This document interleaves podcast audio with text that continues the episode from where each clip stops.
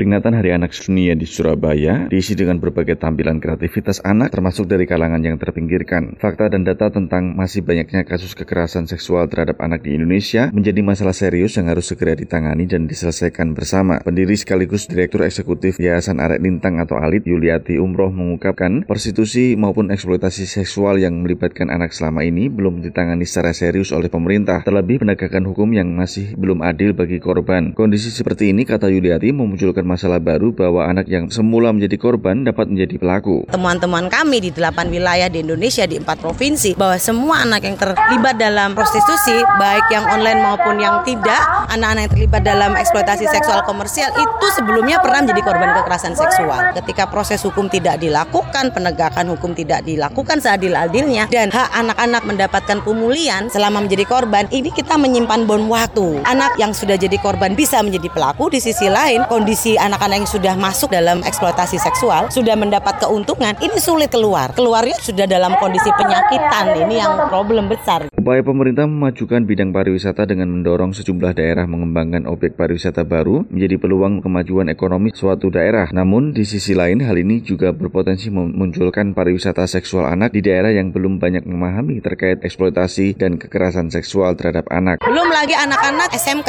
yang harus berpraktek magang di sektor pariwisata. Ini tidak ada ada upaya monitoring yang ketat, pendampingan yang ketat sehingga kasus anak magang yang niatnya magang bekerja selama setengah tahun ini malah justru terlibat langsung dalam eksploitasi seksual. Bagaimana negara memagari, mencegah baik dalam pendidikannya, kemudian pengawasan, kerjasama lintas sektor ini harus dilakukan. Ini yang belum terjadi. Mahasiswi jurusan antropologi FISIP Universitas Erlangga Surabaya Laras nanti mengatakan anak-anak selama ini menganggap perilaku yang dikenal sebagai pelecehan dan kekerasan seksual sebagai hal yang biasa biasa. Bersama sejumlah mahasiswa lain, Laras mengajarkan dan mengenalkan bentuk-bentuk kekerasan dan kejahatan seksual yang harus dihindari oleh anak. Pengenalan dan pemahaman sejak dini pada anak akan menekan terjadinya perilaku kekerasan seksual pada anak. Kita mengenalkan yang namanya kejahatan seksual, kekerasan, abuse, bullying yang selama ini yang tanpa kita sadari itu ada di lingkungan kita. Dan kita juga mengenalkan mereka kepada siapa mereka harus terbuka dan berbicara ketika hal itu terjadi pada mereka. Koordinator Rumah Bineka, Irianto Susilo mengatakan mengatakan upaya mencegah kekerasan dan kejahatan seksual menimpa anak-anak Indonesia harus dilakukan oleh semua elemen masyarakat, tidak terkecuali para aktivis kebangsaan dan para tokoh serta pemuka agama. Karena agama menjadi sangat penting memegang peranan di Indonesia. Itu satu. Kedua, para tokoh agama ini bisa menjadi pesan kuat terhadap anak-anak bahwa penting untuk mengedepankan anak-anak. Agama jangan hanya milik orang dewasa. Kita berkutat pada masalah teologi, akidah, fikih yang mana itu tidak menyentuh anak-anak. Jadi mari semua para tokoh tokoh agama ini menyadari peranan penting agama dalam menjaga anak-anak Indonesia. Dari Surabaya, Jawa Timur, Petrus Rizky melaporkan untuk VOA Washington.